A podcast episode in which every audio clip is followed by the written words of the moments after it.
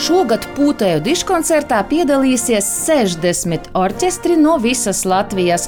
Kopumā tas pulcēs pusotru tūkstoti mūziķu, stāsta mākslinieckā vadītāja asistents diriģents Tomas Kokamegi.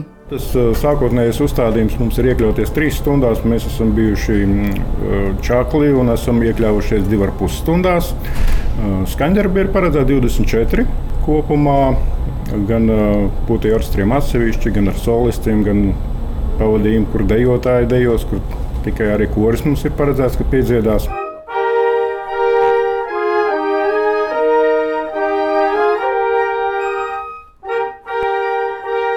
Diškoncerta nosaukums - Laiks iet pāri. Tam ir divas nozīmes. Gan tāda, ka dažādi vietēji un pasaules notikumi iet Latvijai pāri, gan arī, ka tautai ir pienācis laiks tikt tam visam pāri un iet uz priekšu, skaidro režisore Elīna Apsītē. Mēs izējām cauri patiesībā ļoti plašam, lielam uh, Latvijas vēstures posmam, skatoties cauri pūšamam instrumentam. Jo tas pūšamais instruments ir pirmais, ar ko latviešu bērns savu laiku iepazinās. Tas bija pirmais veids, kādā viņš radīja mūziku. Nu, varētu teikt, ka viņš dziedāja, protams, bet gan uz ēnu taču vienmēr ir maukuši stabulītes.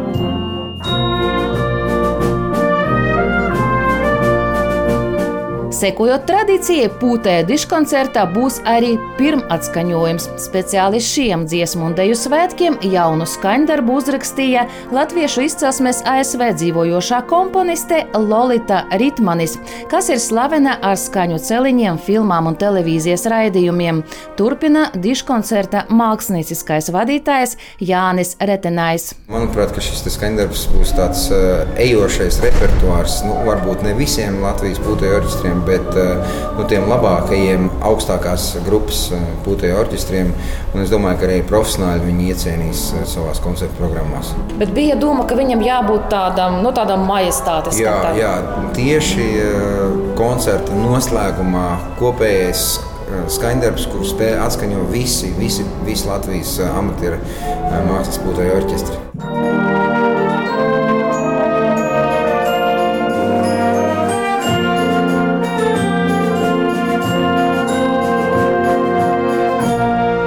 Skirmante Baļķūte, Latvijas radio.